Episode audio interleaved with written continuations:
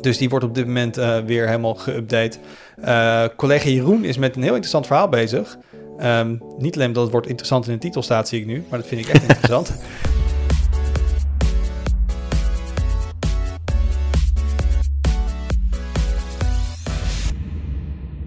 Hoi, leuk dat je luistert. Welkom bij een nieuwe aflevering van de Seekers Podcast. Mijn naam is Wout en ik zit vandaag in de podcast met Erik van Ballengooien. Hoi. Julian Ubachs. Hoi, allemaal gelukkig nieuwjaar. Hey, en Julian Huibrechts. Hoi. Inderdaad, allemaal gelukkig nieuwjaar. Dit is de eerste podcast die wij, uh, die wij in het nieuwe jaar opnemen. Um, twee jaar geleden hebben we deze nog op locatie opgenomen, op de CES. Uh, vorig jaar niet, want toen was de hele CES virtueel. Dit jaar is de CES wel een soort van fysiek georganiseerd. Alleen heeft uh, het gros van de mensen en bedrijven zich teruggetrokken. Wij hebben die, die knopen ook al ergens in december doorgehakt. Dat het ons geen goed idee leek om nu met een grote groep in een vliegtuig te gaan zitten, over te gaan stappen en door een beurs al heen te banjeren. Uh, nou, en, en elke dag die vordert, die uh, sterkt me meer in dat besluit dat we dat inderdaad maar beter niet kunnen doen. Um, maar dat betekent natuurlijk niet dat we niks met de CS kunnen gaan doen. Ik ben toevallig met Erik vandaag uh, in de studio geweest. tegen de tijd dit online komt, zien jullie ook wat video's in het nieuws bespreken. En dat gaan we natuurlijk ook hier in deze podcastaflevering van deze week doen. Maar eerst natuurlijk de highlights. Ik denk niet dat we gaan voorkomen dat dat ook een soort CES-tintje gaat hebben in zo'n week. Die, uh, ik keek gisteren op de frontpage en toen, nee, vanochtend keek ik. En toen was er zoveel nieuws dat de berichten van gistermiddag half zes al niet meer gewoon erop stonden. Uh, dus uh, zoveel, zoveel gebeurt er deze week. Maar toch, als we dan kijken naar de highlights, dan begin ik bij Julian. Ja, wat uh, CES natuurlijk goed voor heel veel uh, nieuwe monitoren en nieuwe producten. Uh, maar wat mij opviel is dat fabrikanten anno 2022 nog steeds echt geen namen voor die dingen kunnen bedenken. zo zag ik een filmpje over de AW3423DW. Ja, ah, geen nice. idee waar dit over gaat natuurlijk. Uh, maar dat is dus de nieuwe Alienware QLED OLED monitor. Heel tof apparaat, alleen dan verzinnen ze zo'n bizarre naam. Uh, en dat is niet nieuw voor monitoren. Je hebt bijvoorbeeld ook de, de Iliama GB3461WQ SUB1 of de Samsung LS24R65FDU. Nou ja, ik, maar ik, ik ben dan weer fan van de CU34G2X/BK.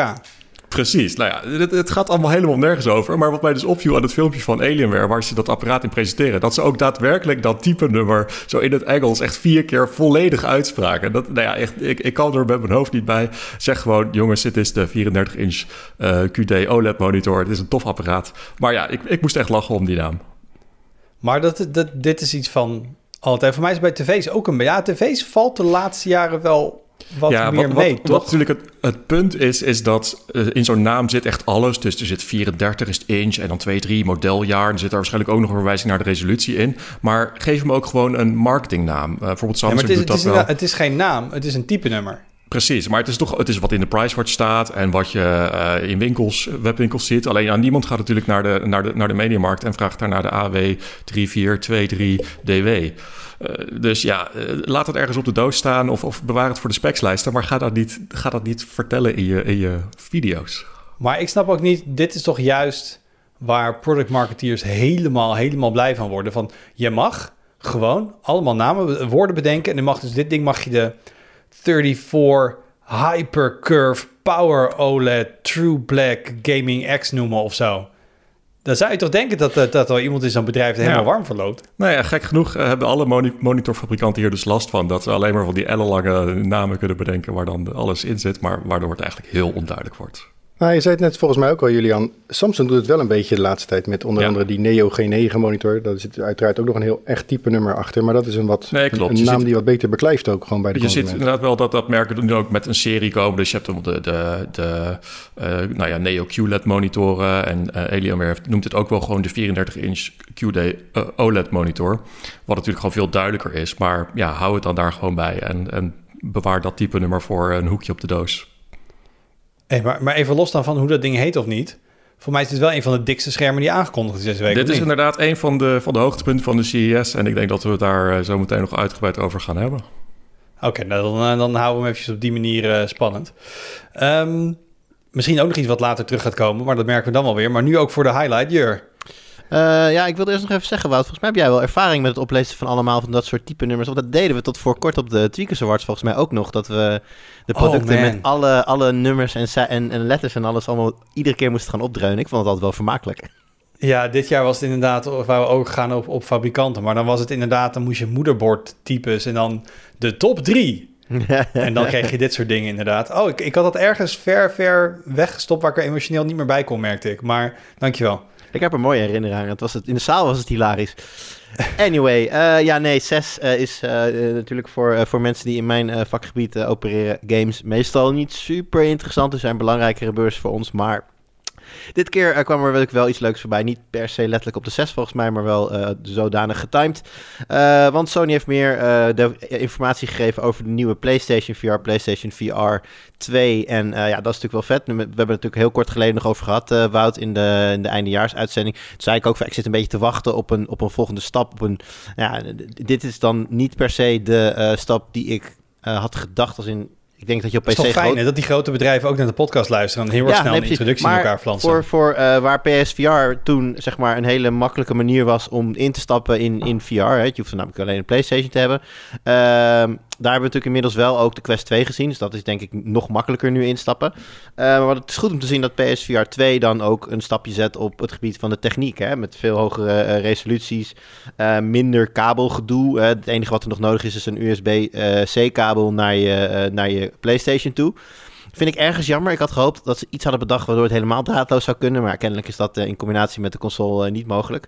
Eh, maar goed, het, het is duidelijk een startpunt voor, voor Sony. Ze laten hiermee heel duidelijk ook zien dat ze VR serieus blijven nemen. En niet alleen met nieuwe hardware, maar ook natuurlijk de, de eerste teaser is getoond van Horizon Call of the Mountain. Eh, eind februari komt natuurlijk voor de PlayStation 5 Horizon Forbidden West uit. Dat is de nieuwe grote Horizon game. En dit is dan een hele nieuwe, nou ja, ze noemen dat natuurlijk experience in de, in de Horizon wereld. Oh ja, we doen in VR doen we geen spellen, we doen experience. Nee, het is allemaal experience. En eh, ja, eh, eh, eerste persoonsperspectief uiteraard. En in de teaser zag je dan hoe een talnek, dat is zo'n soort van girafachtig beest met zo'n schotel op zijn hoofd, voorbij kwam lopen. Ja, en die zag je natuurlijk meer ja, up close en in je, in je gezicht dan dat je ooit gezien hebt. En eh, nou ja, dat, eh, meer dan dat werd er ook nog niet getoond. Dus qua game het was is echt een seconde of tien, hè? ja, het, het was, was, het was heel, echt- het, het was echt, het was echt om een idee te geven van, van zo ziet de wereld van Horizon eruit in een VR-game.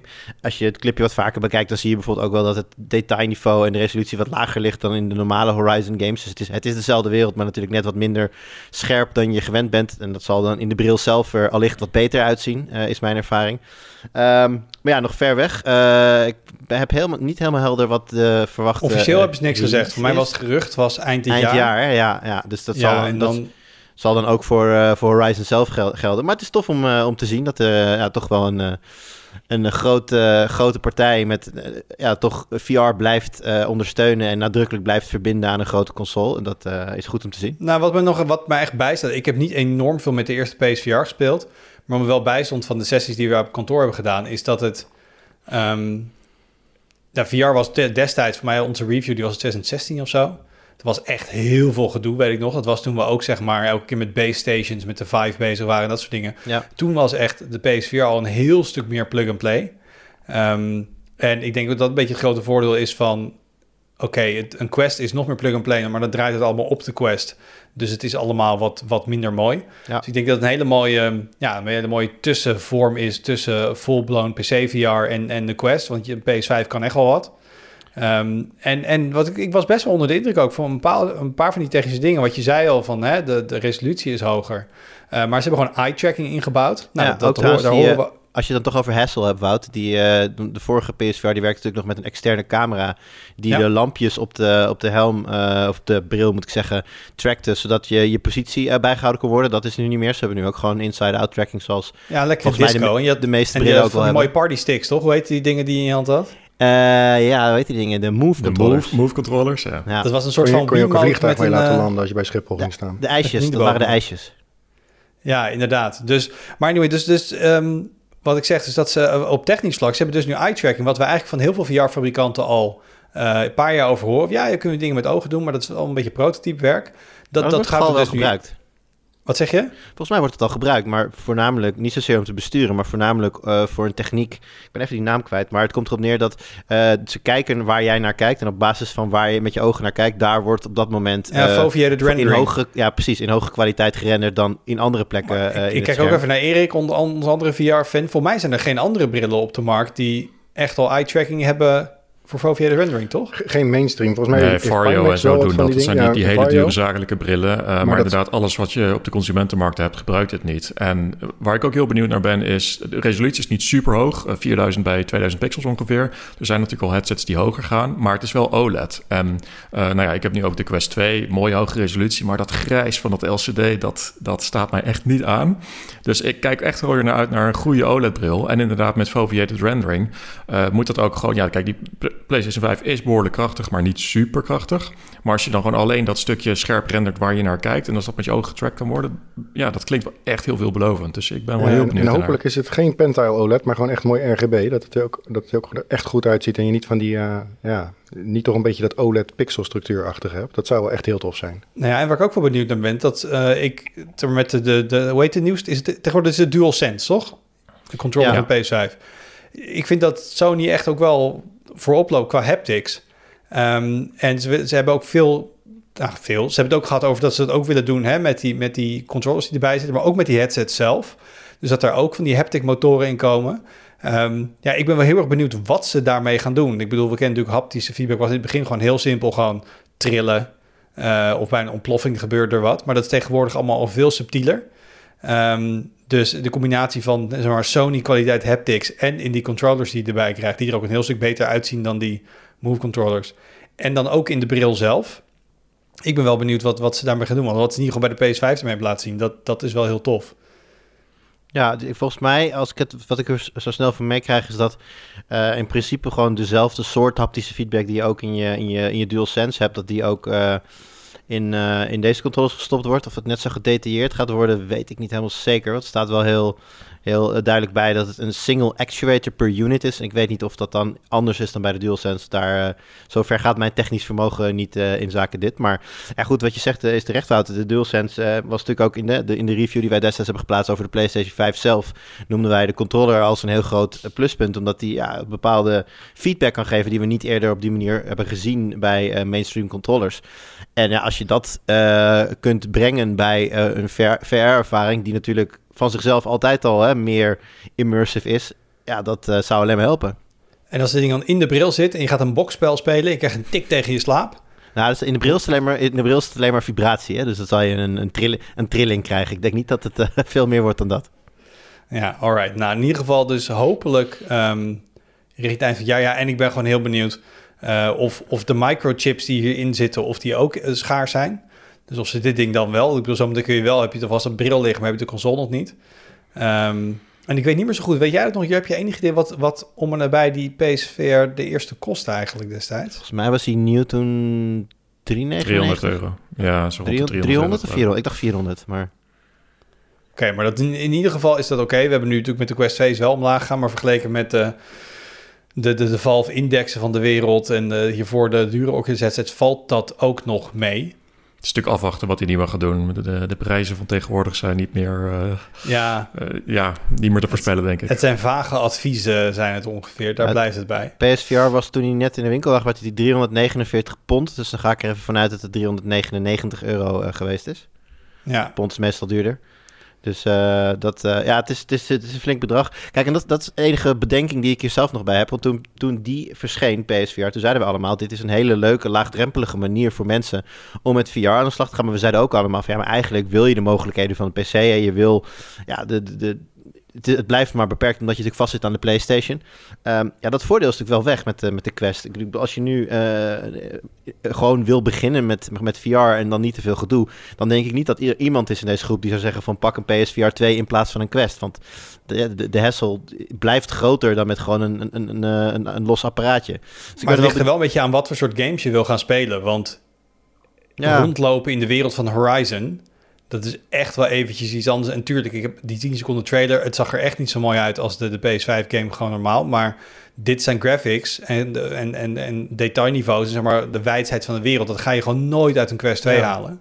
Nee, dat is wel zo. Maar gewoon echt puur qua instap, qua, qua eh, VR willen uitproberen. denk ik dat Quest 2 die positie wel echt heel duidelijk eh, onder Ja. controle heeft. En dan ben ik benieuwd inderdaad of PSVR zo goed gaat zijn. Dat ze inderdaad diezelfde gamer eh, aanspreken. Die dus hè, een high-end PC heeft staan. En daar dan een headset bij koopt. Omdat je high-end VR wil spelen. Ja, dat is, die gamer moet PlayStation nu ook zien te veroveren. Want die instapper gaat naar de Quest. Zeker weten. En ik vind wat ik wel interessant vind, dat als ze dan één game hadden om te tonen. ehm, ik weet niet of die typerend gaat zijn voor de line-up, maar waarbij je bij de Quest 2 toch wel ziet, het zijn toch wat, wat simpelere games, Ja, meer nee, gestylized. Ze hebben nu wel gewoon meteen even hun grootste franchise, een van de grootste franchises gepakt. Ehm, en ik, ik, ik zou het niet wel heel tof vinden als ze die lijn een beetje durven doorzetten. Dat ze echt grootse, ja, epische games gaan gebruiken om, om VR-versies van te maken. In plaats van, hey, iets als Superhot of zo, wat hartstikke lachen is, of Beat Saber. Maar dat zijn best wel simpele concepten. Ehm, en dat is denk ik ook een manier om je wel te onderscheiden van wat je nou, met, met een Quest 2 kan doen. Het lijkt, Maar, mij, eh, no, laten het, lijkt, het lijkt me een no-brainer, Wout, dat er een, eh, dat er een eh, Last of Us VR-ervaring zal komen op, een- op een goed moment. Zombies zijn natuurlijk mateloos populair in VR-games, dus dit is een, eh, een, eh, een 1-2'tje wat de Sony vast wel gaat maken. Ja, laten we hopen voor onder de kerstboom eh, eind dit jaar. Ehm, waar Sony ook mee bezig is, en wat ik gewoon niet zo heel goed begrijp, ehm, zijn die malle auto's die ze elk jaar meenemen naar de CES. De, laatste keer dat wij er waren, of de keer daarvoor misschien zelfs. ehm, ik denk Julian, jij was denk ik ook bij. Erik zal ook hebben rondgelopen. Toen hadden ze de, even kijken, nu heet dat de Vision S. Ehm, ze hebben de naam weer aangepast, maar in ieder geval opeens tijdens een persconferentie hadden ze een auto. En het was een beetje de vraag, wat doet Sony met een auto? Ze zei, ja, nee, nee, nee, we gaan geen auto's maken. Waarom hebben jullie dan een auto gebouwd? Want hij kon wel rijden en zo. Ja, vinden we gewoon leuk, een beetje R&D. En dan gaan we misschien ooit wat doen. Dus dat doen ja, ze nu al twee... eh, argument ook was natuurlijk, ze maken heel, veel- Sony maakt heel veel sensoren. En nou ja, eh, auto's van tegenwoordig zitten vol met sensoren, camera's, sensoren. Dus wel een beetje zo, nou ja, dan maken we een eigen auto, laten we zien waar je die sensoren allemaal in kan stoppen. Een beetje dat idee. Ja, maar dan kun je ook zeg maar even een, een, een collab doen met Kia of zo. En zeggen, gebruik onze sensoren. Maar ze hadden echt best wel een, een afproduct gedaan. Nou, dus daar zijn ze een beetje mee aan het... eh, klinkt een beetje onderbiedig aan het aanklooien de laatste tijd. Ik denk, nou, was dat het dan? Maar dan hebben ze gewoon weer een nieuwe auto gemaakt. Waar ze dus de- deze week mee kwamen. Nu hebben ze dan een SUV. Dus de eerste is meer een sedan. Nu hebben ze een SUV. En ja, ik weet niet of jullie die beelden hebben gezien. Maar ze, hebben er, ze doen al sinds, sinds eind van het jaar doen ze de rijtest mee. Ze hebben een hartstikke mooie reclamevideo gemaakt. Die volgens mij gewoon echt... Het is niet allemaal gerenderd. Maar het zijn echt beelden van dat ding die door de berg heen zoeft. Er zitten wat close-up shots mee. Het ziet eruit als iets wat qua koetswerk is ook best wel goed afgewerkt. Dus de- dit ding ziet er... Zeg maar, ik heb gewoon autolaunches gezien die minder gedetailleerd waren dan dit ding. Ehm, maar ze blijven zeggen, ja, ja, ja, een soort concept. Geen idee. eh, of misschien dat we gewoon onderdelen gaan leveren voor auto's. Zoals sensors. We, we weten nog niet zo goed. Maar eh, Erik, wat, wat maak jij ervan? Denk je dat wij over een paar jaar in een Sony rondrijden? Ik denk het niet. Ik vond het wel opvallend dat ze nu dus ook inderdaad aankondigden dat ze een nieuw bedrijf gaan opstarten. wat echt op, op automotive is gericht. Of dat echt auto's gaat bouwen. of dat dat inderdaad een servicepartner wordt voor, voor anderen. Dat, dat weten we niet. Ik vond het wel opvallend dat ze ook dit echt weer heel erg als een concept. eh, ook in de naam van de auto eh, meenamen. Dus echt niet iets wat ze heel binnenkort op de markt gaan brengen, sowieso. En wat mij ook opviel is inderdaad in eh, wat je op de achtergrond zag, de hoeveelheid sensoren. En wat je ook aan de voorruit van de auto bijvoorbeeld al zag. Je hebt vaak eh, bij de, bij de, ter hoogte van de binnenspiegel heb je tegenwoordig natuurlijk veel sensoren. Maar het zwarte deel hier, waar je niet door de ruit kon kijken, dat was echt enorm bij dit ding. Dus het is echt een auto die vol met sensors gepakt zit. Volgens mij zag ik radar en lidar aan allerlei kanten van de auto zitten bijvoorbeeld. Dus ja, de vraag is, gaan ze echt auto's bouwen of willen ze inderdaad een toeleverancier voor de auto-industrie worden? Dat is mij niet helemaal duidelijk. Ik vond hem trouwens wel, behalve dat dit een SUV was, heel erg lijken op die vorige qua, qua uiterlijk. Het was niet een enorme stap voorwaarts wat, eh, wat, wat design betreft. Nee, maar dat is juist, dat deed me nog meer denken van... goh, het is een soort van stijl, een soort van lijn die ze aan het maken zijn. Ehm, en wat ik nog wel interessant vond, is natuurlijk moeten er ook eh, altijd use cases voor 5G gevonden worden. Eh, dus ze hadden ook al laten zien dat er dan... eh, die auto reed ergens in Duitsland op een testbaan. En er zaten mensen op het Sony hoofdkantoor in Tokio... met volgens mij wat zag als een Logitech G29 stuurtje. Gewoon niet nou echt even de, de crème de la crème... Zo'n ding wat met zo'n bureau mount, die je gewoon aan je bureau in je bureau zet. En er zat dus iemand uit Tokio, zat dat ding over de baan heen te rijden. Ja, vo- vond gewoon, vond ik gewoon wel weer mooi. Als in, Lekker low latency. ja, maar ik bedoel, dat, dat wil je natuurlijk gewoon dan op de baan met een soort straalverbinding doen en dat soort dingen. Dat wil je helemaal niet met 5G doen. Maar het was wel weer mooi bedacht van, goh, want natuurlijk kunnen we ons allemaal voorstellen dat we uh, in de toekomst naar Tokio een auto in Duitsland willen besturen. Uh, dus dat kan dan maar mooi via 5G. Maar uh, nee, ik, ik, ik zie hem wel gebeuren, denk ik. Er zijn natuurlijk ook al jarenlang gerucht dat Apple met een eigen auto gaat komen. Dat was voor mij was daar intern ook een beetje over. Hè, dan was het gerucht weer van ze komen met een auto. Nee, maar ze willen onderdelen gaan maken. En, en Tesla is natuurlijk gewoon een tegenwoordig een normale autofabrikant. Maar je hebt voor mij steeds meer techbedrijven die nu die automarkt een beetje op willen gaan. Denk ik toch van ja, uh, bepaalde markten zijn een klein beetje uitgespeeld. Dan worden minder interessant. Hier kun je nog heel erg veel vernieuwen. Um, dus het, lijkt me wel interessant eigenlijk als we uh, over vijf jaar dat je ook een Sony kan kopen of een, nou Huawei zal misschien in het westen niet zo snel zijn. Um, Xiaomi een, een, een Xiaomi-auto, dat soort dingen. Want wat ik wel heel leuk vind, is dat ze wel natuurlijk met een hele frisse blik naar het concept auto kijken. Van wat kan een auto zijn? Ik denk dat een beetje de situatie is waar veel traditionele autofabrikanten in zitten. Die hebben gewoon 100 jaar soms wel aan legacy. Um, en ook allemaal mensen daar werken, ja, die weten wat auto's altijd geweest zijn. is het best wel lastig om echt innovatief te zijn. Ja, en als dan een, een, een fabrikant van consoles, audioapparatuur, dat soort dingen opeens even gaan auto maken. Dan krijg je denk ik wel andere dingen. Um, ik vraag me wel af of, dit, of het echt haalbaar is. Want als je ook ziet, het is Tesla, zoals het er nu naar uitziet, redelijk gelukt om, om inderdaad vanuit niks een nieuw, nieuw automerk neer te zetten. Zoals je ziet, vorig jaar volgens mij een miljoen auto's geleverd, dat het echt serieus is. Maar uh, de, de verhalen van de production hell waar ze doorheen moesten met de Model 3 en dergelijke, wat het bedrijf uh, bijna de kop heeft gekost. En alles wat uh, van een, een, conceptauto maken is heel makkelijk. Maar door, alle, door alle tests en alle reguleringen wereldwijd heen komen en die dingen dan ook nog daadwerkelijk in volume produceren, is natuurlijk heel weer wat anders. De, vraag is ook of Sony dat echt zou willen. Ik bedoel, ik weet dat niet.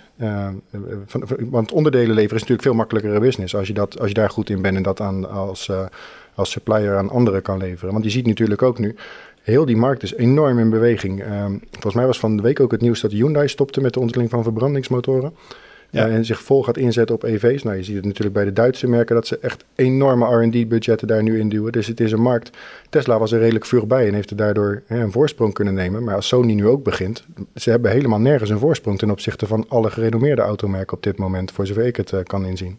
Nee, dat is wel waar. Aan de andere kant, markten waar ze voorheen heel groot in waren. Voor mijn laptops hebben ze afgestoten, smartphones loopt nou niet geweldig, de cameramarkt krimpt. Ik bedoel, PlayStation doet het heel goed. Um, maar als je kijkt naar Sony consumentenelektronica, dat was denk ik tien jaar geleden ook een, een grotere business voor ze met meer verschillende subdingetjes. Dus ik kan me ook voorstellen dat ze toch aan het kijken zijn. Ja, het is misschien een beetje ehm, out of the box denken. Maar laat ik zo zeggen, van de techfabrikanten lopen ze wel voor. Want ze zijn er voor mij al drie, vier jaar mee bezig nu. Uh, dus als een, als een Xiaomi weer instappen. En ze kunnen altijd nog gaan partneren met een bestaand bedrijf. Om het uh, een beetje voor de, uh, de hele supply chain en zo te doen.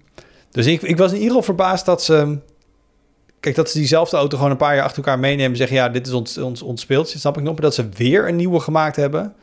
Ik bedoel, dit is wel gewoon een beursgenoteerd bedrijf. En hier werken dus al blijkbaar een aantal jaar... werken hier echt heel veel mensen aan. Want ook zelfs een prototype maken, dat, dat doe je niet zomaar 1, 2, 3. Met de software erachter en de sensors en zo. Dus ergens moeten ze intern toch wel een keer zo'n make-or-break moment hebben van... ja, blijft dit een eeuwig hobbyproject? Dat waarschijnlijk niet, dat kan geen eens. Dus of we, we kappen ermee en of we gaan er echt mee door. En ik had eigenlijk verwacht dat ze mee gingen kappen. Dus nou, ik vond wel um, opvallend. Wel meteen weer jammer dat dit dan zo'n CES is, dat we daar niet fysiek rondlopen. Want ik vond het ook de vorige keer wel lachen om dan ook zo'n ding nou, van dichtbij te bekijken. Was mij een hele grote rij ook voor. Um, om eventjes van binnen, van binnen te loeren. Ja, eigenlijk, ik eerst het valse spelen. Want eigenlijk heb jij, ik heb nog een highlight goed van jou. Maar jij zegt van ja, ik wil gewoon meteen... Uh, ik, ik ben Erik, de man van de tv's en de CS is een tv-beurs. Dus uh, hup, de buik erin. Ja, het zou een beetje raar zijn als ik nu met iets anders kom dan tv's. Dus ik had inderdaad gezegd, laten we maar gelijk doorgaan naar de tv's. Want dat is inderdaad, uh, wat, wat, mij betreft is dat de CES. Want um, televisiefabrikanten die kondigen traditiegetrouw altijd op de CES hun televisies aan. Aan het begin van het jaar laten ze zien wat er dan ja, meestal rond april op de markt gaat komen. En dat is dan ook bij de meeste fabrikanten op een klein refresh modelletje rond de IFANA is dat ook wat er dat jaar gaat zijn. Uh, en dit jaar, ondanks de pandemie, eigenlijk niet anders. Uh, maar er zijn toch wel een aantal interessante dingen die we, die we zien. De QD OLED, daar gonsden de geruchten de laatste maanden uh, van rond. techniek, nieuwe paneltechnologie, waar Samsung Display, dat is een zusterbedrijf van Samsung Electronics, wat daadwerkelijk de consumentenelektronica maakt, maar waar Samsung Display mee bezig was en waarvan dus ook sterk de geruchten gingen dat Samsung Electronics dan uiteraard als een van de eerste met QD OLED televisies zou gaan komen. Nou, dat blijkt dus niet het geval, want Samsung Electronics laat op dat vlak niks zien. Uh, maar Sony, waar we het net al over hadden van de, van de auto's, die komen dus wel met QD OLED televisies. En daarnaast uh, de, de monitor waar Julian het net al even over had met de niet uit te spreken naam. Dat is ook een QD OLED monitor. Uh, en dat is toch wel echt tof, want het is vernieuwende beeldschermtechnologie die echt um, ja, mogelijk alweer een nieuw level van performance brengt ook. Ja, want we hebben het hier al echt heel veel jaar over volgens mij. Um, kan me herinneren, ik denk dat de eerste geruchten over QD OLED zijn misschien nu wat, vier, vier jaar terug of zo. Ik weet dat Nanosys, dat is het bedrijf wat achter die Quantum Dot zit, die laat dit al in ieder geval vanaf 2016 laten ze van die schematische uh, uh, ja, voorstellingen zien van hoe zo'n scherm zou moeten werken en wat de voordelen zouden moeten zijn. Dus dat is inderdaad nou, een jaar vijf. In, in een podcast een schematische voorstelling, kom er maar in. Maar eventjes voor de mensen die luisteren van hè, OLED, dat ken ik, want iedereen en zijn moeder heeft tegenwoordig een OLED. Um, dit is ook OLED, maar het is niet OLED. Dus wat is het dan wel? Het is wel OLED, alleen het is weer anders. Je hebt sowieso verschillende smaken het is niet, OLED. Het is niet voor kleine, WOLED. Ja, nou ja, daarom zeg ik, je hebt verschillende smaken. Je hebt RGB OLED, dat is wat je op kleinere schermen tegenkomt. Dus zeg maar tot en met tabletformaat, maar ook in smartphones. Dus echt met, uh, met OLEDs, met subpixels die rood, groen en blauw oplichten. Dat is niet wat er in de grotere schermen voor televisies wordt gebruikt. Dat komt allemaal van, uh, van LG Display af. En dat zijn white OLED, dus WOLED schermen zoals dat dan wordt genoemd. Daarvan uh, heeft elke pixel uh, witte subpixels, waarvan een deel voorzien is van rood, groen en blauwe filters. Die dat witte licht dus ja, filteren om alleen maar rood, groen of blauw door te laten. En daarnaast ook nog een witte subpixel hebben om extra helderheid te kunnen toevoegen. Omdat anders zouden die schermen gewoon, schermen gewoon niet zo super helder gaan. Wat uh, QD OLED nu uh, uh, anders doet dan die andere twee technologieën, is dat alle subpixels blauw zijn. Dus die zenden allemaal blauw licht uit. En voor een deel van die subpixels zit er dan quantum dot enhancement film, la, een quantum dot enhancement filmlaag, zoals dat officieel heet, die dat blauwe licht omzetten naar rood of groen. En dat is dus geen filtering. Het is echt daadwerkelijk omzetten van de ene golflengte licht in de andere golflengte licht. En het voordeel boven de filters die in white OLED worden gebruikt, is dat je daardoor dus niet allerlei lichtenergie weggooit en helderheid verliest. Maar dat je eigenlijk vrijwel zonder verlies blauw kan omzetten in andere kleuren. En dus met dezelfde hoeveelheid energie die uit het panel komt, hogere helderheden kan uh, produceren. En een, een quantum dot klinkt natuurlijk, voor de marketing is het geweldig. Um, moet ik dat zien als een soort van soort prisma of iets anders waar ik licht met één kleur inschijn en iets anders daaruit kaatst of zo? Hoe, hoe kan het dat dan als je daar blauw in schijnt dat er groen uitkomt? Ja, quantum dots zijn hele kleine, uh, hele kleine elementen die in dit geval van quantum dot OLED uh, schermen worden geprint. Dus uh, met een soort van inkjetprint moet je het zien. En afhankelijk van de grootte van de quantum dot wordt die dus gestimuleerd door licht wat erin komt, door blauw licht. En daardoor gaat dat, die quantum dot gaat trillen, en, maar op een andere frequentie dan waar het licht op naar binnen komt. En zet daardoor het licht om in een andere kleur. En door die grootte van die quantum dots aan te passen, kunnen ze dus heel specifiek zorgen dat er een bepaalde kleur licht uitkomt. Dus de groene quantum dots zijn anders qua, grootte dan de rode quantum dots. En door dat, ja, door dat productieproces heel nauwkeurig te controleren, kan je dus heel nauwkeurige kleuren produceren op die manier. En je zegt dat ze als basis gebruiken blauwe OLED's. Ik heb wel geleerd dat met RGB OLED-schermen, dat de OLED's die het hard slijten, dat dat de blauwe zijn. Dus hadden ze niet beter groene OLED's kunnen doen met een ander soort quantum dot en daar weer andere kleuren van maken? Of het andersom ook zou kunnen, zoals jij net zei, omzetten van bijvoorbeeld groen naar blauw. Dat weet ik niet precies of dat kan, maar in ieder geval blauw naar de groen en rood, dat kan. En dat is dus ook een, uh, een methode die goed werkt. Oké, okay, maar dan krijgen we dus um, uh, hogere helderheid, want je bent eigenlijk minder licht aan het blokkeren. Um, is, is, is dat het enige wat, wat dit dan opbrengt? Nou, helderheid of hogere efficiency. En dat gaat eigenlijk hand in hand. Dus minder energieverbruik voor dezelfde lichtopbrengst of met dezelfde energieverbruik hogere lichtopbrengst. Ze zeggen ook dat, die, dat uh, de kijkhoek iets beter zou moeten zijn. Want de standaard kleurfilters die voor normale OLED, uh, white OLED schermen zitten, die hebben toch dat ze het licht met name naar voren afstralen. Terwijl die quantum dot filters zouden dat uh, vrijwel onbeperkt moeten doen. Nu zal dat klein zijn, want OLED heeft sowieso al een goede kijkhoek, weten we natuurlijk van de OLED-televisies die er zijn. Uh, een ander potentieel voordeel is dat, omdat er geen witte OLED-pixel is die ook meeblaast op het moment dat beeld heel helder moet zijn, um, dat je meer kleurvolume overhoudt op hogere helderheden. Wat, betekent dat? Als jij bijvoorbeeld heel helder ehm, geel wil, wil uh, uitzenden vanuit een white OLED-televisie, dan, dan mengen rood en groen om geel te maken. Maar wordt ook wit nog meegestuurd als puur wit, uh, als puur wit licht. Ja, en dat, dat haalt dan toch iets van de saturatie uit die gele kleur weg. Terwijl hierbij heb je geen wit licht nodig, omdat die, die helderheid komt al gewoon uit de, uit de drie subpixels die er zijn. Waardoor je ook op hogere helderheden, met name bij HDR highlights hebben we het dan over, gewoon meer kleur, uh, kleurinformatie in beeld kan houden. Nou, heb ik een OLED-tv. Dan dacht ik altijd dat het ongeveer het summum was van, uh, van, van beeldschermtechnologie. Ja, dus, dus jij zegt, als, als ik een OLED heb en ik zou een QD-OLED ernaast zetten en we kijken um, uh, HDR-materiaal, laten we iets zeggen, gewoon een, een, een, grote vlammenzee of zo. Dus dat is heel fel, maar ook fel oranje, geel, rood. Dan zou er op zo'n QD-OLED zou dat, dat feller en intenser moeten zijn dan op de OLED. Is dat het een beetje? Ja, je houdt, dan, je houdt dan een gesatureerde, dus eigenlijk een kleurrijker beeld over, ook in die highlights. Of je dit echt heel goed duidelijk gaat zien, dat weet ik niet. Ik heb deze scherm ook nog niet gezien. Ik zit helaas ook uh, hier in, uh, in Europa op dit moment en niet op de beurs waar ze eventueel getoond worden. Maar uh, nee, dus dat, dat zou inderdaad de, het, het, gevolg moeten zijn. Je zou meer kleur moeten overhouden in de highlights. Het lijkt me echt een experiment wat ik zelf persoonlijk nooit ga doen, want dan kan ik het nooit meer unseen en dan ben ik niet meer blij met mijn hele dure OLED-televisie. Dus laten we dat, laten we dat niet doen. Maar het, het allergekste misschien hier wel van is, is dat we hebben deze nieuwe beeldschermtechnologie. Um, Sony heeft een televisie aangekondigd waar dit in zit. Dus die kopen de display in bij Samsung Display. Maar Samsung niet. Nee, en dat is inderdaad een raar verhaal. Want op de CES, en dat gebeurt bij meer beurzen, worden er ook altijd de organisatie dan van die uh, Best of Show Awards uitgedeeld. Nou, daar moet je niet te veel van voorstellen, maar dan kan een fabrikant kan zeggen: Ik ga dit tonen en er zit dit en dit aan revolutionairs in. En dan zegt de organisatie: Oké, dan geven we het een Innovation Award. Er wordt letterlijk niks aan getest, dus op basis van, uh, van, van wat de fabrikant aangeeft. En er is dus een uh, Samsung QD OLED-televisie die zo'n Best of Show Innovation Award heeft gewonnen. Terwijl Samsung kondigt dat ding dus helemaal niet aan. En dat nee. doet vermoeden, zeker ook alle geruchten die de laatste tijd wel waren dat Samsung het wel ging doen, ja, die komen natuurlijk ook niet uit het niks, dat ze toch redelijk last minute om een of andere reden hebben besloten om toch die televisie nu niet te gaan aankondigen. Dat, dat, dat is wel bizar. Dus ze hebben al wel paneel aan Sony verkocht en ik denk niet dat ze Sony daar Nou, de andere Samsung is de Samsung Display die de panelen maakt en die dat eigenlijk aan iedereen verkoopt, maar ongetwijfeld als eerste bij het zusterbedrijf Samsung Electronics langs is gegaan.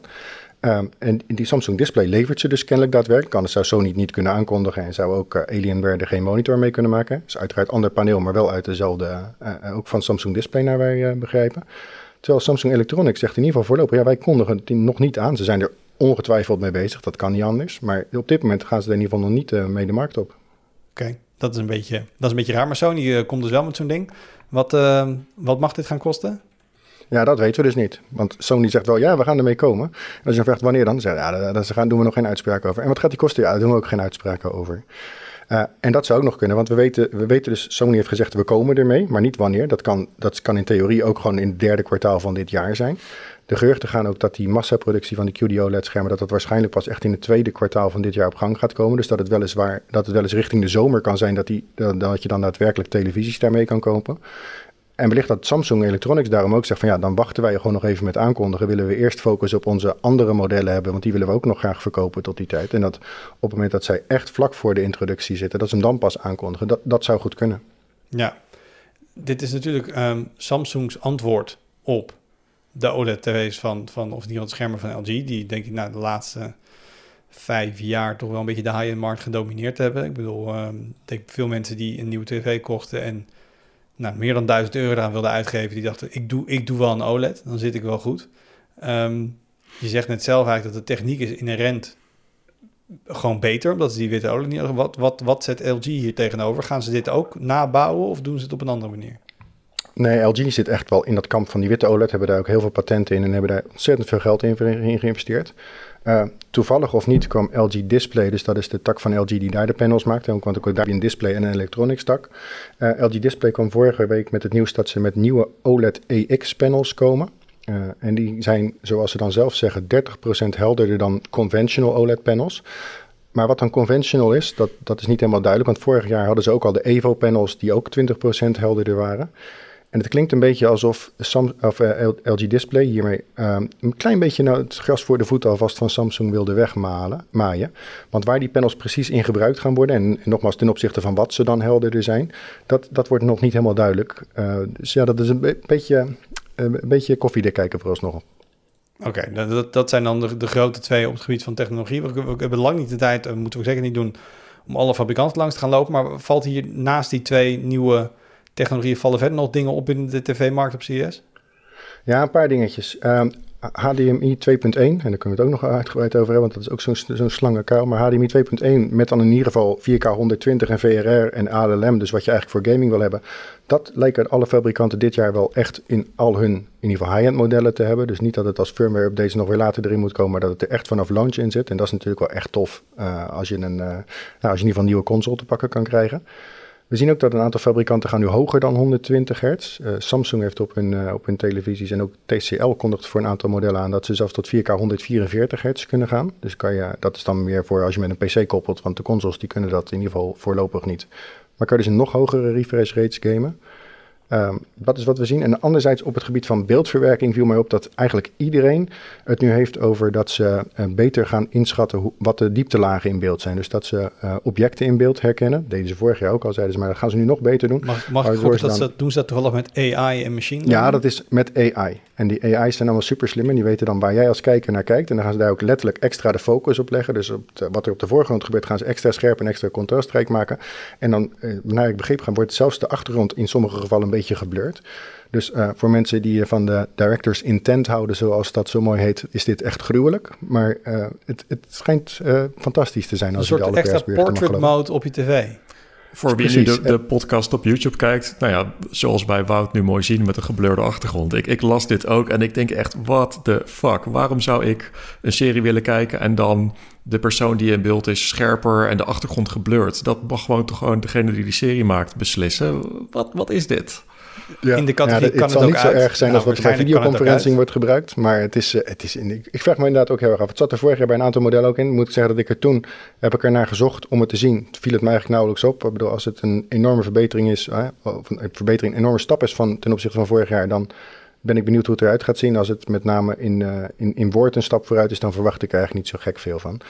Maar dit is ook een dingetje wat, uh, wat dus anders is. En, en wat een laatste dingetje wat misschien nog wel leuk is bij um, uh, televisies. Bij twee merken komt de webcam weer terug. Jee. Dus terug van weg geweest een webcam die je op je televisie kan zetten om dan uh, via Google Duo, daar, daarvan dacht Samsung dat we dat met z'n allen willen gaan gebruiken, uh, met elkaar kunnen, of nee, dat was Sony. Sony dachten we via Google Duo met elkaar gingen praten. Um, en ook andere dingen zoals via gestures je televisie bedienen. Nou, maar dit is allemaal echt was... een blast van de pet. Dit, dit is alles wat ze een paar jaar geleden afgesloopt hebben. Ja, maar kennelijk met de pandemie in de achtergrond, uh, tenminste dat is hoe, wat ik denk, dat mensen meer thuis zitten, meer willen videobellen, is dat dus in ieder geval bij twee merken, bij Sony en bij Samsung is het weer uh, terug van weg geweest. Ja, ik heb dus laatst een webcam op mijn tv aangesloten om te videobellen, maar dat is helemaal niet praktisch. Want zo'n webcam in ieder geval, die voor de PC, die gaat ervan uit dat je redelijk dichterop zit. En als je dan dus gewoon een paar meter op afstand gaat zitten, dan zit iemand dus naar je complete woonkamer te kijken, waar jij dan op een bank zit. En dan microfoon is ook, pakt ook heel veel ruimte. Ik, ik vond het echt, ik dacht, oh vet, gewoon lekker even video bellen via de tv. Maar dat, dat kwam ik echt van een koude kermis thuis. Ik ben wel heel erg benieuwd of ze daar allemaal rekening mee houden dan. Ja, ze hebben natuurlijk wel zo'n processor tegenwoordig die dan ziet wie jij bent en wat je achtergrond is. Zodat ze ja, dan gaan ze mij scherp maken, de achtergrond blurry. Ja, ja, ja. ja. Dus ja, jij kan los van de veiligheid, uh, Wout. Ik bedoel, een, een, camera die op de televisie... Kijk, jij hebt nu een webcam op je tv of naast je tv gezet... en die zet je waarschijnlijk weer weg op het moment dat je hem niet meer wil. In mijn televisie dan... Uh, ja, ik zou heel snel uh, richting de stickers gaan, hoor. Nou, ik moet zeggen, uh, sowieso zien we voor mij heel CES op veel meer plekken webcams terugkomen. En wat mij ook opvalt is dat ze bijna allemaal ook een fysiek schuifje hebben. Ja, nou goed zo. Dat is bij deze apparaat ook zo. Je kan, met een schuifje kan je hem echt dichtklappen. En uh, ze zeggen dan ook van als, als die aanstaat, zie je uiteraard altijd een ledje branden, zodat je ervan op de hoogte bent dat die aanstaat. Ja. Privacy is wel over nagedacht, maar ik, ik vraag me met name af wat hier het praktisch nut van gaat zijn in de, in de praktijk. Ja, alright. Nou, voor zover even dan uh, uh, beeldschermen. Um, want wat mij ook opvalt is dat wat er eigenlijk heel erg standaard altijd... januari heb je CES, dat is consumentenelektronica, dat is veel hi-fi. Dan hebben we halfweg het jaar, hebben we, Jur gaat nu zeggen E3, dat is ook waar... Um, maar wat we daar ook hebben is Computex. En dat is echt gewoon die-hard componenten. Alles wat in de PC-buizing zit.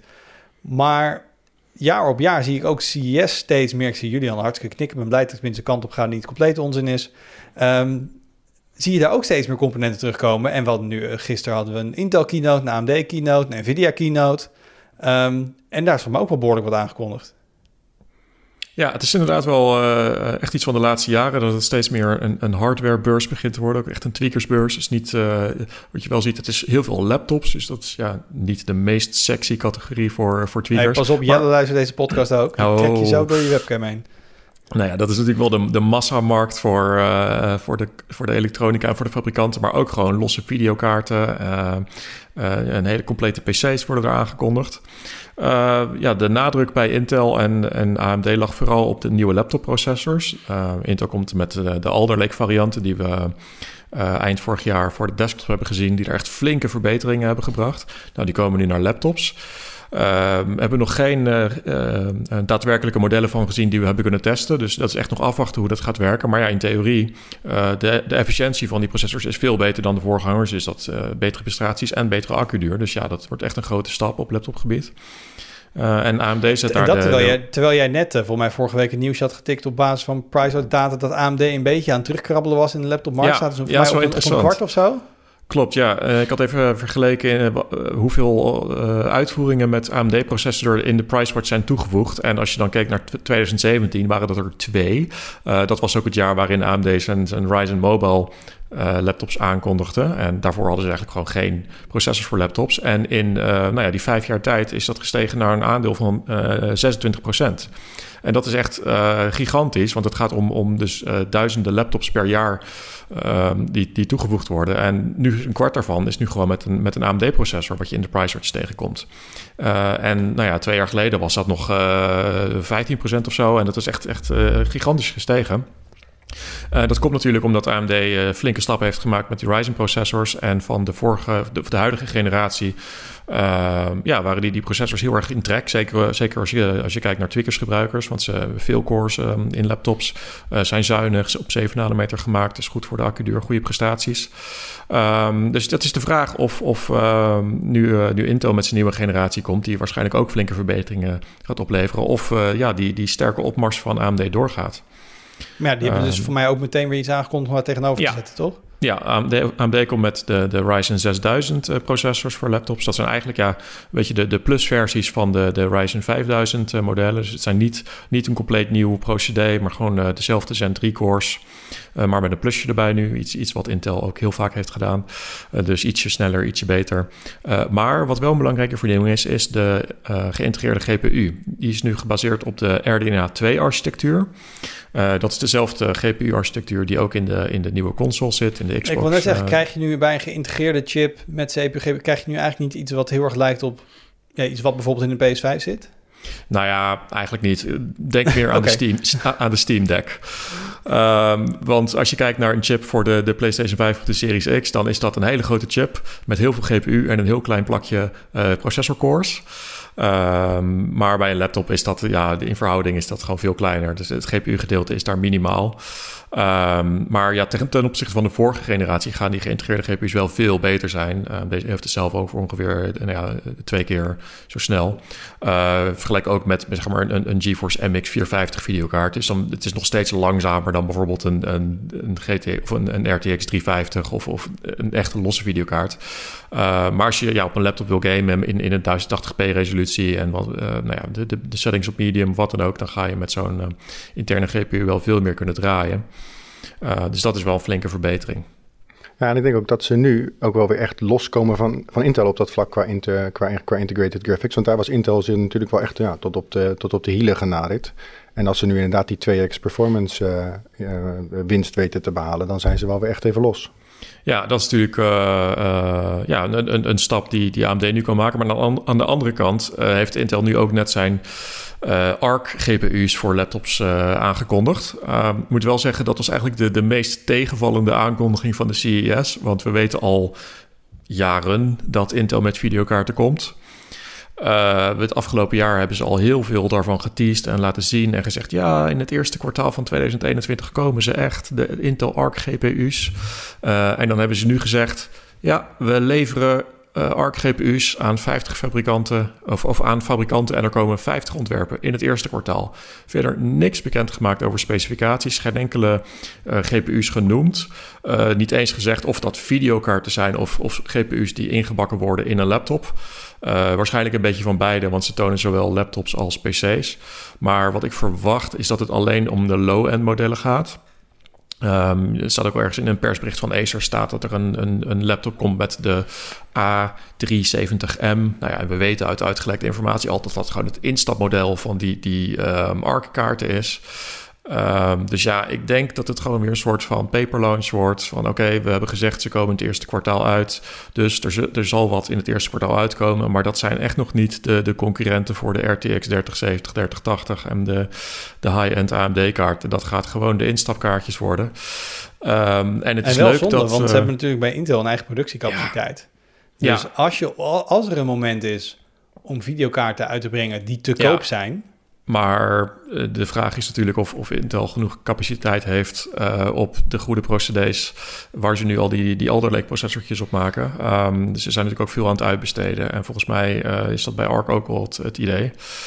Um, dus het is, is niet, ja, het, heeft, dat zou ook best daarmee te maken kunnen hebben dat het gewoon moeilijk is om, om de capaciteit te vinden. Ja, en we het dan eventjes, andere videokaarten en verkrijgbaarheid, want ik weet niet hoe het met jullie zit, maar ik, ik, ik word redelijk cynisch. Um, want zowel AMD als Nvidia hebben nieuwe instapkaarten gepresenteerd. Nvidia komt nog met een 3090 Ti, een super, super dikke, super snelle, meest snelle videokaart die je kan kopen. Nee, die ze maken. Um, maar uh, hebben we enig idee, hebben, verwacht jij dat het überhaupt gewoon, dat je het kan aanschaffen binnenkort? Ja, uh, kopen kan altijd, maar voor, voor welke prijs is, uh, is de vraag. Uh, deze beurs stond in het teken van, van de budgetkaarten, de RTX 350 en de Radeon RX uh, 6500 XT. Nou ja, AMD zegt adviesprijs 199 dollar, Nvidia zegt 249 dollar. Nou ja, allemaal leuk en aardig, maar ja, je ziet ook al aan de cynische reacties onder de nieuwsberichten dat ja, niemand heeft daar nog, nog boodschap aan. En dat is ook, ik, ik snap ook niet waarom fabrikanten dat nog op deze manier aankondigen. Want ook Nvidia maakt zelf geen RTX 350, dus die gaat die zelf ook niet verkopen voor 250 dollar. Maar die zegt dan zo van ja, oké, dat zou zo'n kaart moeten kosten. Um, terwijl ja, fabrikanten zetten, als je nu kijkt naar de, de 360, die een adviesprijs van 350 euro heeft, die kost nu minimaal 750 euro. Dus ja, een, een, 35, een RTX 3, 350, uh, 3050 voor 250 euro, dat gaat niet gebeuren. Wat die wel gaat kosten, geen flauw idee. Of die verkrijgbaar zal zijn, geen flauw idee. Maar het ziet er allemaal niet rooskleurig uit. Nou, misschien maar even iets positiever afsluiten. Want um, even terugpakken op de CPU's. Want AMD heeft ons nog wel wat meer verteld over wat we van Zen 4 kunnen verwachten. Ja, daar ben ik wel heel benieuwd naar. Nu uh, uh, met Alder Lake heeft natuurlijk Intel weer een flinke, uh, flinke slag um, gemaakt ten opzichte van AMD. Um, we hadden ook net de, de review van de nieuwe uh, budget Alder Lake processor online staan deze week. De 12. Sneeuwde een uh, klein beetje ondertussen al het nieuwsgeweld. Precies, van, uh, zoek die vooral nog even terug. De, de, Intel Core i5 Wie hem kan vinden op de site Uh, nou ja, dus uh, dat je niet, niet, niet meteen 300, 400 euro aan een processor uit hoeft te geven. Het wordt echt gewoon een hele snelle gameprocessor kan kopen. Helemaal mooi. Um, dus ja, daarmee moet AMD natuurlijk wel weer, weer met iets nieuws komen. En dat gaat in de tweede helft van dit jaar gebeuren. Dan komt AMD's nieuwe AM5-platform. AM4, dat uh, heeft, uh, nou ja, de afgelopen vijf jaar heeft dat uh, de, de Zen-processors gehuisvest. Er komen nieuwe moederborden, nieuwe processors met Zen 4 cores. op 5 nanometer worden die gemaakt. Dus een stap vooruit ten opzichte van 7 nanometer, wat ze nu hebben. Verder nog weinig over bekend, behalve dat het ja echt een compleet nieuw platform is met ondersteuning voor DDR5, PCI Express 5.0. het wordt nu ook een... Van, van pinnetjes naar balletjes van pinnetjes naar balletjes, ofwel van pinnetjes op de processor naar pinnetjes op het moederbord. Uh, dus je kan de, de pinnetjes op je processor, die nu nog bij de Ryzen processors uh, zitten, die, die kan je niet meer zo makkelijk stuk maken. Is het jou uh, wel eens overkomen of niet? Nee, nee. Ik, ik weet wel niet. dat ik, ik heb zo'n, um, ja, hoe heet dat? Dat is eigenlijk voor solderen. Zo'n klein ding met twee van die klemmetjes en zo'n loepje erboven, waar je gewoon even onder een loepje twee draadjes kan solderen. Maar toen had ik inderdaad dat ding erbij gepakt, een lampje erop en met een pincet, met een vergrootglas, heb ik heel erg met zweet op het voorhoofd een van de pinnetjes in de hoekjes te terugbuigen. Uh, en dat ging gelukkig goed en het boet weer en het is waar ik nu op werk. Ehm, Ja. Dus voor, voor maloten zoals ik is het denk ik veel veiliger om gewoon naar zijn andere sokken te gaan. Dan kan dat in ieder geval niet meer misgaan. Ja, ja. dus ja, ik ben heel benieuwd naar, naar de tweede helft van dit jaar eigenlijk. In- Intel gaat dan ook wel weer met, met nieuwe dingen komen, maar dat wordt meer iets wat voorbeduurt op wat ze nu hebben. Dus ja, heel benieuwd. Het wordt, eh, wordt spannend. Alright, nou ik denk dat de twee grote dingen inderdaad wel, eh, de twee grote thema's waren denk ik dan wel eh, beeldschermtechnologie en, en componenten. Maar ik wil eigenlijk nog even een rondje doen om te kijken van wat, wat was er verder nog. En dat hoeft, mag serieus zijn of hoeft, hoeft ook niet helemaal serieus te zijn. Dingen die opvielen. Maar wat mij nog wel opviel in brede zin, en Erik refereerde er al eventjes aan. Toen het vorig jaar op CES, toen we het over CES hadden, dachten we, nou waar zijn alle webcams? Serieus, zitten al een jaar zitten we thuis te werken. Je zou verwachten dat iedereen en zijn moeder als een malle bezig is geweest met of losse webcams ontwikkelen, of eh, de kwaliteit in laptopschermen beter gaan maken, of weet je, gewoon we zitten met z'n allen nou eenmaal, zoals wij nu ook deze podcast, opnemen, heel veel in webcams te, te loeren. En ik heb wel het idee dat dit jaar, nou blijkbaar het antwoord op de vraag hoe lang duurt het om een goede webcam te maken, is ongeveer twee jaar blijkbaar. Ehm, want we zagen heel veel eh, computermonitoren die opeens dan boven in de rand weer een webcam hebben zitten. Eh, nou, Sony die zo'n ding voor hun televisies maakt. Voor mij hebben we ook laptops gezien, jullie al met gewoon 4K webcams erin. Ehm, ik heb Ja, wel het idee dat, dat, het, eh, ja. dat het eruit steekt. Ik heb wel het idee dat het wat meer aandacht krijgt weer dit jaar. Is dat niet een beetje logisch ook, Wout? Omdat wellicht vorig jaar mensen nog dachten slash hoopten dat eh, deze pandemie een, een, ja, tijdelijk zou zijn. Nou, tijdelijk Ja. kan het nog steeds zijn, maar tijdelijk lijkt nu toch al Even snel weer jaren door. te gaan worden. En niet ook. maanden. Ja, dat is, heeft iedereen denk ik nu wel ingezien. Dus ja, dan maakt het ineens ook eh, sens om ja, te daarin te investeren en je producten daarop aan te passen. Ja, nee, ik denk ik dat bedoel, het het ook... gaat natuurlijk al best ver als we met monitoren altijd naar maar... eh als, als maar naar dunnere randjes en dat soort dingen zijn gegaan... en je zet er nu weer zo'n webcam bovenop... Het is wel even een statement wat je maakt. Moet je wel zeker weten dat de markt er zin in heeft. Ja, je- laat ook een beetje zien dat, die, dat de- ontwikkeldheid van dat soort producten. Want inderdaad, wat, wat je er zegt, als zo'n pandemie begint, nou ja, dan denk je oké, over, over een half jaar is het over. Ehm, en als het dan over een half jaar niet over is, kan je niet, eh, ja, dan kan je wel beginnen met het ontwikkelen van, van je nieuwe laptop of monitor. Maar dan is die waarschijnlijk niet meer op tijd klaar voor de, de volgende CES. Dus op die manier was dat er allemaal niet. Eh, vorig jaar en dit jaar wel, omdat nou ja, ze toen natuurlijk gedacht hebben: oh ja, hmm, eh, misschien moeten we toch maar eh, daar wat verder mee doorgaan. En ja, wat je wel echt ziet, het zijn wel vaak aparte lijnen. Dus het is ja, niet dat elke monitor een webcam heeft, maar er zijn nu heel veel hele chique zakelijke modellen. Van die ultra-wide 5K monitoren met dan in de voet nog achterop een dikke 4K eh, webcam. Het zou echt fantastisch zijn voor thuiswerken. Leuk als je werkgever dat vergoedt.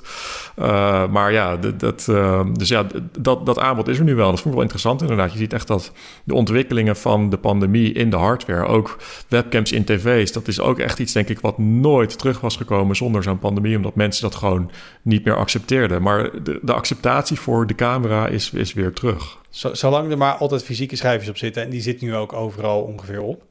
Ehm, maar is er, Jules, is er voor jou verder nog iets wat, wat er voor jou tussenuit sprong... behalve de dingen waar we het over gehad hebben?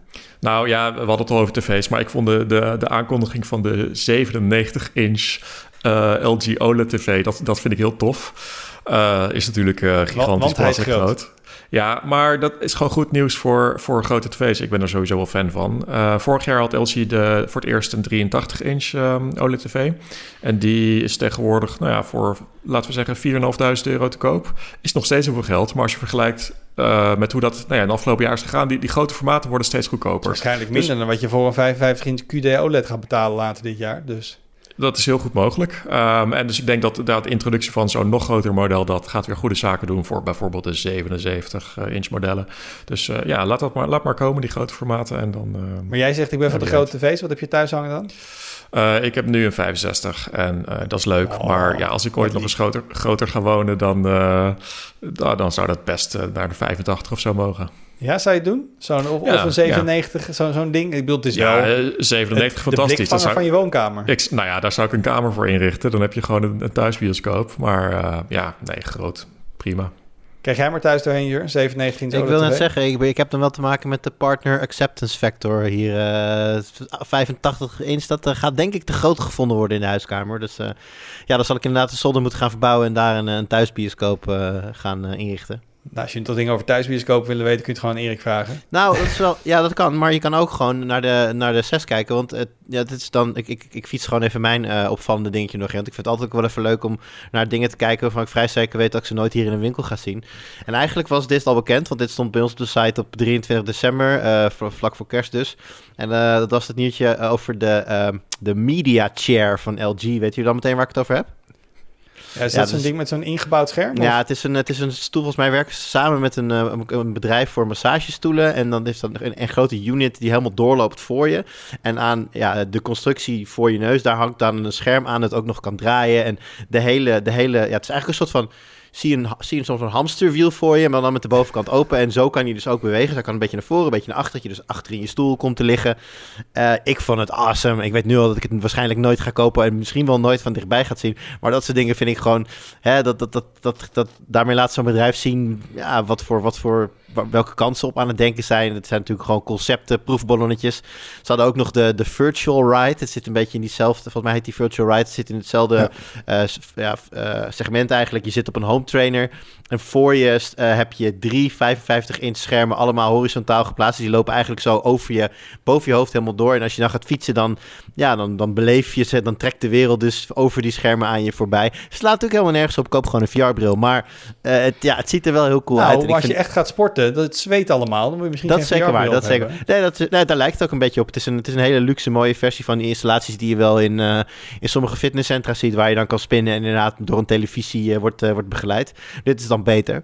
Maar ja, er staat natuurlijk geen prijs bij. Is überhaupt volgens mij nog niet eens bekend of ze het überhaupt ooit naar de markt gaan brengen. Maar ik vind dat soort dingen, wat ik zeg, aan CES en ook op E3 heb je dat wel eens. Dat vind ik de, de, ja, toch de leuke, opvallende dingen. Ik zie Erik heel hard knikken, want hij is zo'n persoon die achter een scherm op zijn fiets zit. Nee, nee, nee. nee dit, en dit was ook dit was de LG Display tak van het bedrijf ook die dit tonen. Dus niet de kant überhaupt die uh, consumentenelektronica maakt. Dus dit, dit gaat inderdaad niet als producten te koop zijn. Dit is gewoon om te laten zien, hè, dit zou je kunnen doen. Dit, zou de, dit zijn toffe dingen. Maar ik vind het ook, ik, ik, ik ga daar ook wel goed op, op dat soort uh, rare niche-apparaten die gewoon, ja, die gewoon een beetje inspireren wel. Ja, ik moet ook zeggen, die stoel viel me, in, die, Erik, die stoel viel me in die zin een klein beetje tegen. Want ik had een soort van 4DX, uh, eh, zoals uh, Pathé ook wel heeft, weet je, van die helemaal hmm. meebewegende stoelen. Ik vond, ja, tussen wat ik ervan gezien heb tot nu toe, ging het allemaal vrij rustig. Dus ik weet niet zeker of, of dat dan in indicatief is wat hij allemaal kan. Maar ik had iets meer, iets meer show verwacht in, uh, in, in de motion, zeg maar. Ik heb, er geen, ik heb hem niet in beweging gezien, dus ik kan daar niks over zeggen. Een paar windturbines, een paar watersplash devices erop en dat soort dingen. En dan, uh, ik zat trouwens wel nog van, van uh, Samsung, die heeft nu een, een monitor, die zou je ook voor kunnen gebruiken, die dan extra, extra, extra, extra gekromd is. Nou, monitor trouwens een 55 inch ding, maar die volgens mij bijna 180 graden gaat ongeveer. Um, en die kun je ook verticaal neerzetten. Dus dan, dan moet je inderdaad echt helemaal omhoog en naar achter kijken. Dan zit zeg maar het, het uiteinde van het beeld ongeveer boven je. Um, dus als je gaat voor de meer futuristische opstellingen. Ja, weet je, en dit is denk ik uiteindelijk wel... We hebben het helemaal niet over gehad uiteindelijk. En misschien is het ook een beetje meta. Maar waarom het heel anders is om zo'n beurs vanaf hier te verslaan... dan als je daar bent... Want nu zit het natuurlijk heel erg heel functioneel van hè, productaankondigingen, daar nieuws over doen. Maar als je daar bent, dan wandel je over zo'n beurs heen. Dan denk je op een gegeven moment, wait, what? Wat staat hier nou weer? En dan pak je even 10 minuten om met de fabrikant van zo'n maf ding te praten. Uh, en dan maken we een paar foto's en dan kunnen we dat mee. En dat is nu wat je wel... We gaan ons best doen deze week om nog wat dingen te verzamelen. Um, wat ik zei, als, als deze podcast online komt, hebben we ook waarschijnlijk al een, een of... Nou, ik denk één video online. Dus we willen ook kijken of we nog wat van die gekkigheid dingen kunnen... uit de persberichten en dat soort dingen kunnen vissen... om eind van de week daar een overzichtje van te maken. Want dat past ook toch wel heel erg bij de CES. Zeker. Right. Dan wil ik nog eventjes vooruitblikken dat als je namelijk uh, jezelf door uh, een weg weet te banen door al het CES-nieuws, dan zal je misschien nog wel andere dingen op de site vinden. Uh, waaronder de smartphone BBG die er aankomt. Dus word je um, lastiggevallen door je ooms, tantes, vrienden, ouders, want die moeten een nieuwe telefoon kopen, dan kun je ze heel goed altijd naartoe verwijzen. Dus die wordt op dit moment weer helemaal geüpdate. collega Jeroen is met een heel interessant verhaal bezig. Um, niet alleen dat het wordt interessant in de titel staat, zie ik nu, maar dat vind ik echt interessant. Wanneer wordt een thuisaccu interessant? Uh, dus de titel zegt het eigenlijk al. ik denk dat er heel veel mensen tegenwoordig of ze hebben of bezig zijn met zonnepanelen. Um, en heel vaak tegenwoordig is dan discussie: oh ja, maar wat, hoe, zit je, hoe zit het met saldering en te veel dingen? Kun je dat dan niet zelf opslaan? Nou, Tesla heeft natuurlijk zo'n Powerwall en er zijn andere fabrikanten die dingen doen. Dus daar is Jeroen in, in gedoken om te kijken hoe die ontwikkelingen gaan. En wanneer dat inter, inderdaad interessant wordt om daar eens misschien eentje thuis van, uh, van neer te zetten. En dan hebben we dit weekend weer een nieuwe aflevering van een van mijn favoriete nieuwe uh, formats op de site. Uh, terug in de tijd. Ik weet niet wie hem deze... Ja, hij komt niet van jouw hand deze week, hè, Jules? Is collega nee, verzorgt hem. Ja, waarbij we eh, uitgebreid terugblikken op ehm voor mij 15, 15, 20 jaar geleden... om te kijken wat er dan qua tech speelde. Wat we, als we toen een podcast hadden gehad waar we dan over gehad hadden. Eh, en ook een beetje kijken hoe het dan daarmee eh, is afgelopen. En dat is in heel veel gevallen, spoiler alert, toch net even anders dan we misschien destijds, eh, destijds gedacht hadden. Dus dat komt er allemaal aan tussen ook alle eh CES nieuwtjes door. Dankjewel jongens. Eh dankjewel voor het luisteren of voor het kijken als je op YouTube zat. Heb je feedback, dan hoor dat heel erg graag. Kun je even mailen, podcast.tweakers.net of je kan een comment achterlaten. En we zien je weer volgende week. Doei!